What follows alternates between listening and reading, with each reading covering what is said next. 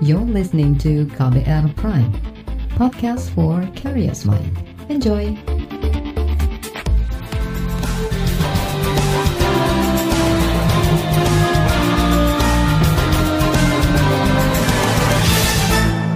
Disiarkan langsung dari studio KBR di Jakarta, inilah KBR sore untuk hari ini, edisi 16 September 2022. Saya Reski Mesanto, kembali siap untuk menjadi teman Anda sore hari ini. Selama kurang lebih 30 menit ke depan, saya akan membahas mengenai pengembangan ekosistem kendaraan listrik di Indonesia. Dalam beberapa kesempatan, Presiden Joko Widodo menargetkan ada mobil listrik yang bisa diproduksi dalam negeri beserta komponen dan infrastrukturnya, sehingga masyarakat bisa beralih ke kendaraan yang lebih ramah lingkungan. Akankah ekosistem kendaraan listrik ini bisa dibangun dalam waktu dekat? Apa saja tantangannya? Kita bahas selengkapnya di KBR sore. Saudara Presiden Jokowi ingin membangun ekosistem besar kendaraan listrik di Indonesia. Itu disampaikan Jokowi saat mengunjungi kawasan industri terpadu Batang atau KITB di Kabupaten Batang, Jawa Tengah, Juni lalu.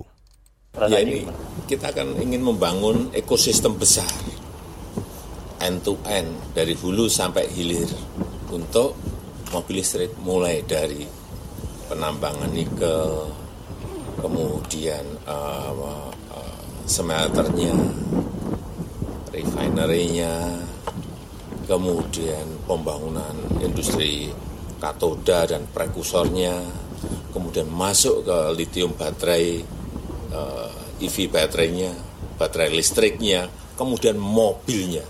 Setelah mobilnya juga masih ada lagi tambahan yaitu merecycle baterai listriknya.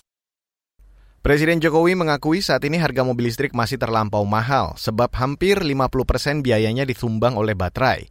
Namun Jokowi yakin harga mobil listrik berangsur akan terjangkau seiring dengan majunya teknologi pembuatan baterai listrik.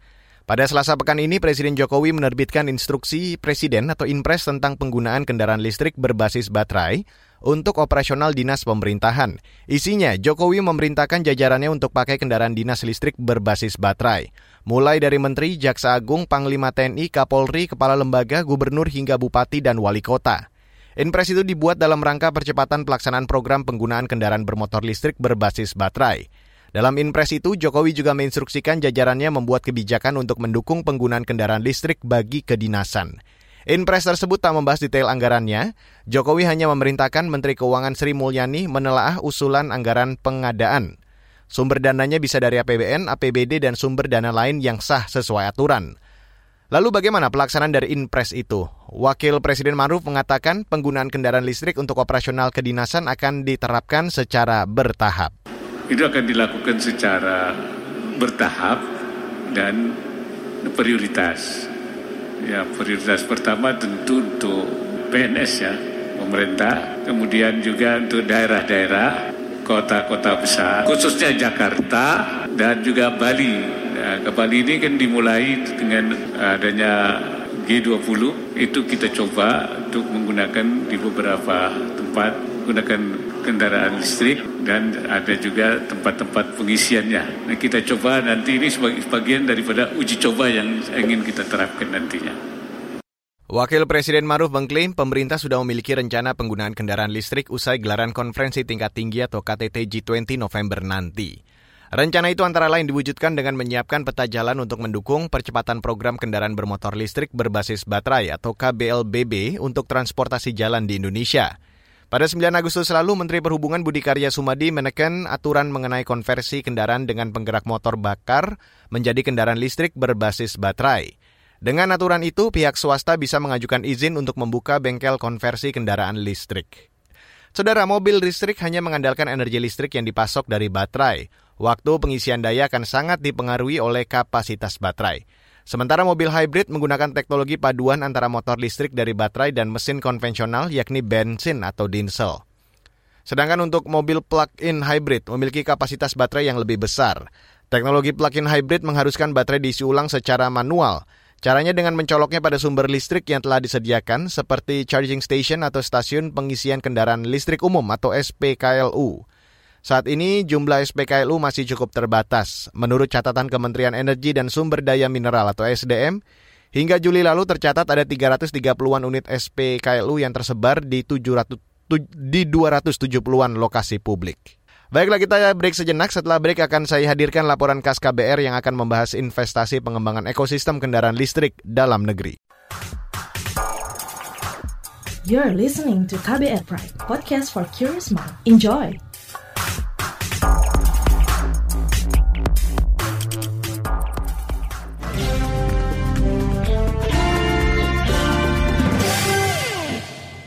Saudara pemerintah terus berupaya mempercepat pengembangan ekosistem kendaraan listrik dalam negeri.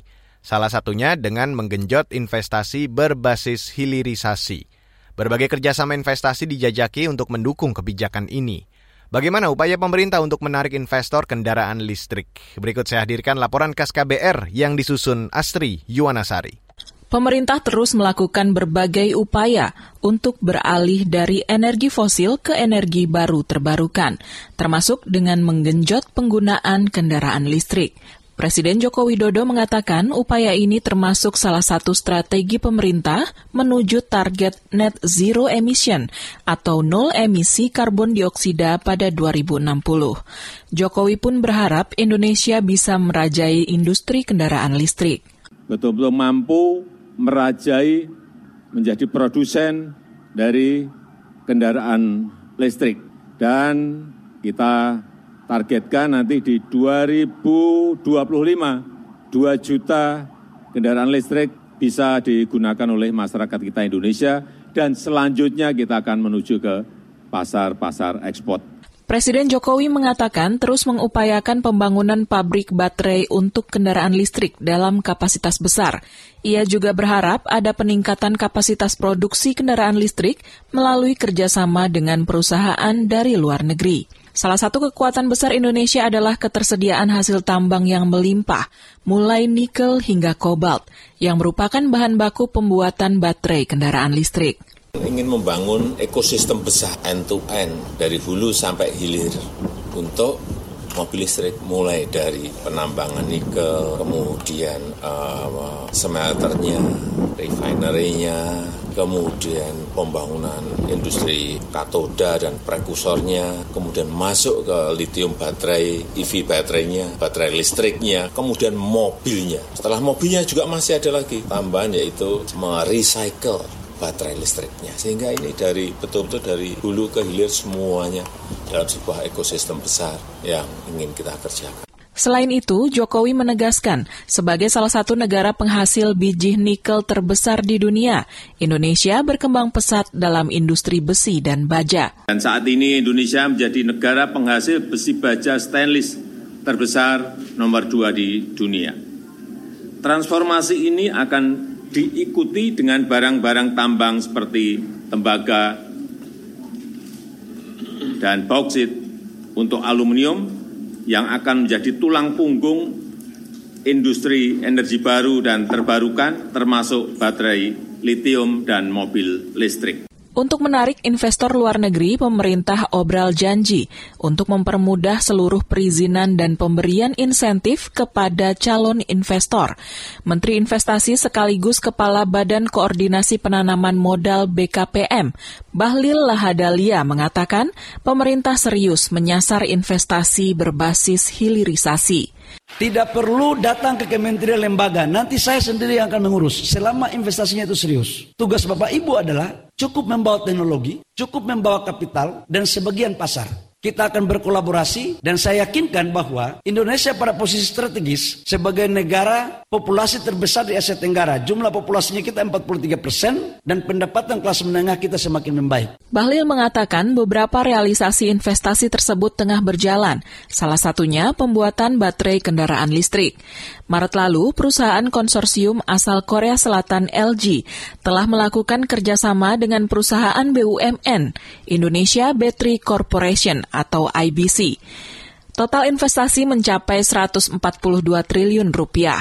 Kerjasama ini meliputi usaha tambang, smelter, prekursor ketot, batu baterai, hingga mobil listrik. Mobilnya kemarin kita sudah resmikan, Hyundai. Itu satu integrasi, kemarin mobil listrik pertama di Asia Tenggara dan di Indonesia baru pertama. Jadi ini bukan baru akan nanti, tapi sudah kita lakukan. Dan untuk baterai selnya mulai akan berproduksi diperkirakan di 2003 akhir, 2023 akhir. CATL juga demikian, melakukan hal yang sama. Untuk menggenjot investasi, pemerintah akan melarang ekspor sejumlah komoditas mentah secara bertahap.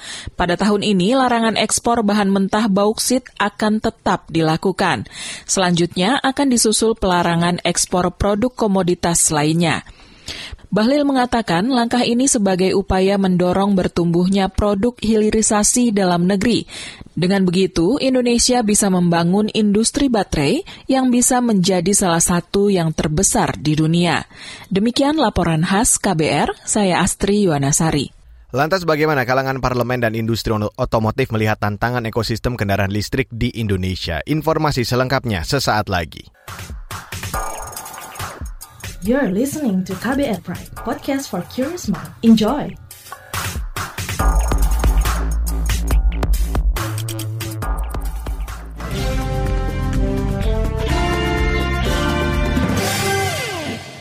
Saudara, kalangan parlemen mendorong pemerintah bisa mempercepat pembangunan infrastruktur untuk pembuatan komponen kendaraan listrik.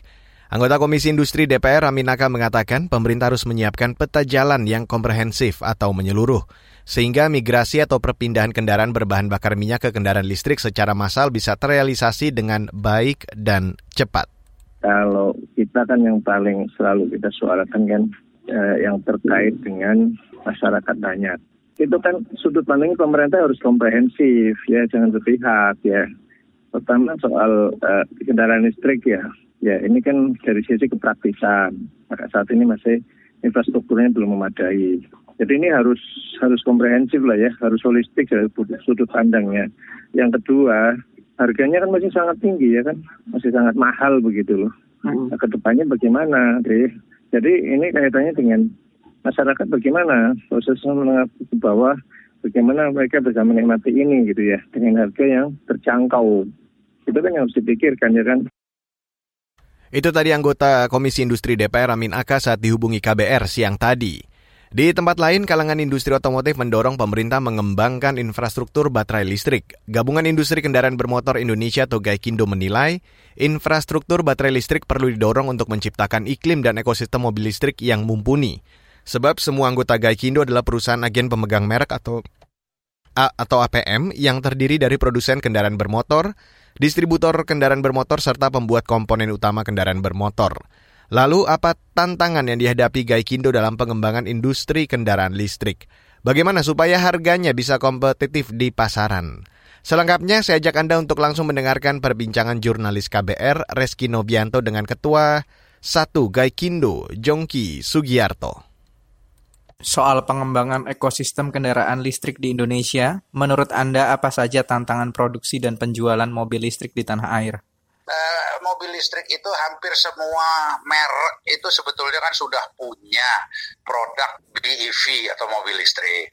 Cuma mereka itu uh, masih menangguhkan uh, peluncuran-peluncurannya itu dikarenakan harganya itu belum bisa terjangkau oleh masyarakat luas. Ya, hmm. jadi misalnya sekarang yang sudah masuk kan ada Hyundai dengan harga kurang lebih 800 juta dan lain-lain. Nah, sedangkan di Indonesia ini masyarakat Indonesia itu daya belinya masih di kendaraan yang 300 juta ke bawah. Itu yang menjadi mayoritas daripada penjualan kita bahkan mencapai 60% lebih dari total penjualan setiap tahun. Itu 600 ribu lebih unit yang harga mobilnya itu 300 juta ke bawah. Ada memang peminat ada, bukan tidak ada, tetapi tidak secara massal. Menurut Anda, seperti apa keinginan konsumen di Indonesia terkait kendaraan listrik? Sekarang sudah diluncurkan pada saat Gias ada yang lalu itu ada mobil-mobil kecil yang diluncurkan oleh beberapa produsen hmm. dengan harga kurang lebih di 300 juta. Kami menyambut baik tentunya peluncuran tersebut, tetapi mobil tersebut kan pintunya cuma dua, hmm. lalu tempat duduknya empat orang. Ya kan kalau eh, dilipat baru bisa menjadi bagasi. Nah, sedangkan masyarakat Indonesia itu maunya mobil satu di harga di bawah 300 juta, pintunya lima, tempat duduknya tujuh.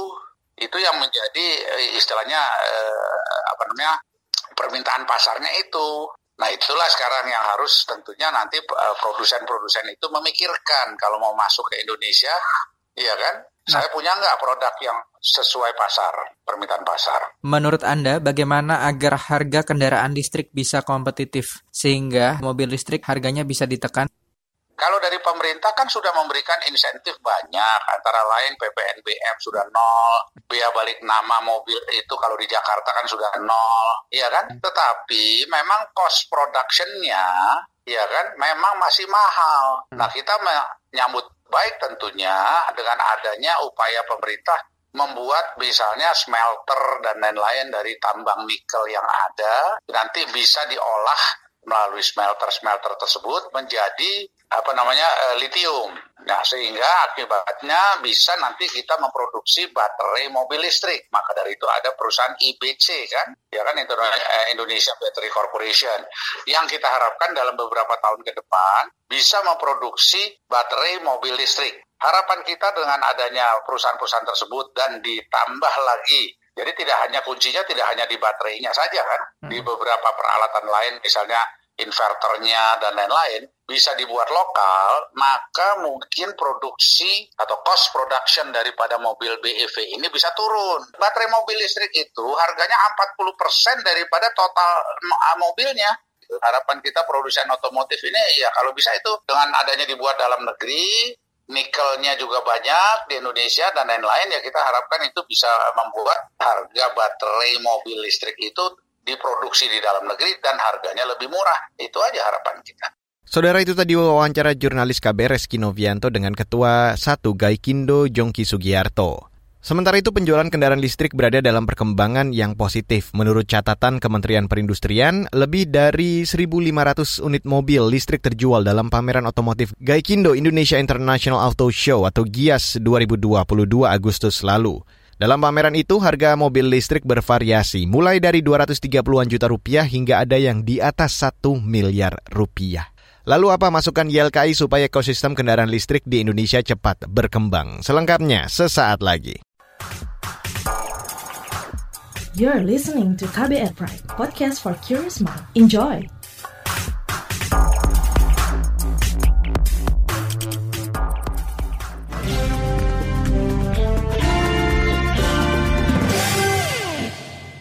Saudara, konsumen kendaraan listrik di Indonesia masih sedikit. Salah satunya salah satu penyebabnya ialah kurangnya pengetahuan masyarakat mengenai manfaat dan keuntungan penggunaan kendaraan listrik. Pengurus Harian Yayasan Lembaga Konsumen Indonesia atau YLKI Agus Suyatno menilai fasilitas pengisian daya yang masih minim juga menjadi penyebab. Untuk itu YLKI mendorong pemerintah mengedukasi masyarakat serta mempersiapkan infrastruktur jika serius ingin mempercepat penggunaan kendaraan listrik di Indonesia. Selengkapnya, saya ajak Anda untuk mendengarkan perbincangan jurnalis KBR Astri Septiani dengan pengurus harian Yayasan Lembaga Konsumen Indonesia atau YLKI, Agus Suyatno. Pemerintah mendorong penggunaan kendaraan listrik. Yang terbaru Presiden menaikkan impres mobil listrik untuk kendaraan dinas. Lalu kalau dari sisi konsumen sendiri, apa sih Pak penyebab atau menjadi hambatan utama begitu konsumen di Indonesia saat ini belum banyak yang memakai kendaraan listrik? Ini karakteristik dari konsumen uh, Indonesia, masyarakat Indonesia yang uh, edukasi tentang mobil listriknya kan belum terlalu banyak sehingga mereka lebih memilih uh, mobil konvensional atau mobil berbahan bakar minyak. Tentu ini menjadi PR tersendiri bagaimana mengedukasi atau menginformasikan kepada masyarakat, kepada konsumen secara lebih jelas dan lebih detail apa benefit dari penggunaan mobil listrik. Kemudian poin yang kedua tentu saja terkait dengan infrastruktur ataupun kesiapan dari penunjang mobil listrik, misalkan stasiun-stasiun pengisian listrik. Nah, kekhawatiran dari konsumen kan juga akan muncul ketika uh, membeli mobil listrik, kemudian ke mana uh, ketika di tengah jalan kehabisan daya, sehingga ini akan menyulitkan kalau infrastruktur belum dibangun dengan baik. Kemudian yang ketiga, ini terkait dengan pengeluaran. Jadi apakah kemudian ada hitung-hitungan yang jelas yang bisa diinformasikan kepada masyarakat penggunaan mobil listrik uh, versus penggunaan mobil berbahan bakar minyak. Berapa sih sebetulnya selisih pengeluaran yang bisa dihemat oleh masyarakat ketika menggunakan mobil listrik. Termasuk juga uh, dari sisi keamanan bagaimana kemudian mobil listrik ini uh, mampu memberikan jaminan keselamatan dan keamanan dan itu juga perlu diinformasikan kepada uh, masyarakat konsumen. Lalu mungkinkah program-program seperti misalnya insentif atau kredit begitu bisa menarik minat konsumen untuk beralih ke penggunaan kendaraan listrik? Uh, bisa bisa juga. Jadi kayak insentif itu bisa juga di, uh, menjadi salah satu daya tarik kepada konsumen. Tapi kembali lagi ketika diberikan kredit maupun insentif dengan harga yang cukup terjangkau, tetapi ketika uh, bicara tentang infrastruktur yang belum memadai, uh, mobil listrik hanya akan berada di, di kota. Sementara kalau misalkan ke luar kota, uh, bagaimana infrastrukturnya? Apakah juga ada tempat-tempat uh, pengisian uh, daya listrik di uh, perjalanan? Apakah juga sudah terbangun infrastruktur yang baik di jalan tol, misalnya seperti itu. Jadi itu yang menjadi pertimbangan uh, konsumen memilih mobil listrik kalau itu terbaik eh, terbangun dengan baik, ya tentu saja ini menjadi pilihan bagi konsumen apakah akan menggunakan mobil listrik atau menggunakan mobil berbahan bakar minyak. Pengamat transportasi mengatakan akan lebih mudah jika eh, percepatan kendaraan listrik dimulai dari penggunaan transportasi umum gitu. Bagaimana pendapat Anda? Setujukah? Iya, uh, sepakat. Jadi uh, hal yang paling utama adalah membangun jaringan transportasi publik menggunakan mobil listrik. Itu itu yang paling gampang dilakukan. Kemudian yang kedua juga uh, penggunaan mobil dinas di switch atau dimigrasikan ke mobil listrik sehingga sebelum masyarakat menggunakan itu setidaknya sudah digunakan oleh pemerintah atau negara. Jadi ini yang akan kemudian nanti memicu, memicu kepada konsumen untuk tertarik menggunakan mobil listrik. Jadi dalam apa pandangan YLKI juga uh, public transport dan penggunaan mobil dinas negara itu sasaran utama kalau memang mau menggunakan atau mengganti dengan mobil listrik. Lalu bagaimana saran dan masukan Anda untuk membangun percepatan ekosistem kendaraan listrik di saat juga persaingan kendaraan konvensional begitu? Ya, uh, yang pertama tentu saja uh, lebih pada sisi edukasi sih. Jadi bagaimana kemudian pemerintah mengedukasi kepada masyarakat uh, penggunaan mobil listrik dan uh, manfaat-manfaat yang bisa didapatkan dan keuntungan-keuntungan yang bisa diperoleh ketika menggunakan uh, mobil listrik. Kemudian juga konsumen juga perlu uh, lebih jeli dan lebih teliti dalam uh, menggali informasi sehingga mendapatkan pengetahuan yang lengkap, pengetahuan yang cukup untuk membahas atau untuk pengetahuan tentang mobil listrik dibandingkan dengan mobil bahan bakar minyak. Saudara itu tadi perbincangan jurnalis KBR Astri Septiani dengan pengurus harian Yayasan Lembaga Konsumen Indonesia atau YLKI Agus Suyatno. Dan informasi ini sekaligus menutup KBR sore untuk hari ini edisi 16 September 2022. Terima kasih untuk Anda yang sudah bergabung sore hari ini. Selamat kembali menjalankan aktivitas Anda dan ingat selalu patuhi protokol kesehatan di mana pun Anda berada. Selamat berakhir pekan. Saya Reski Mesanto undur diri. Salam.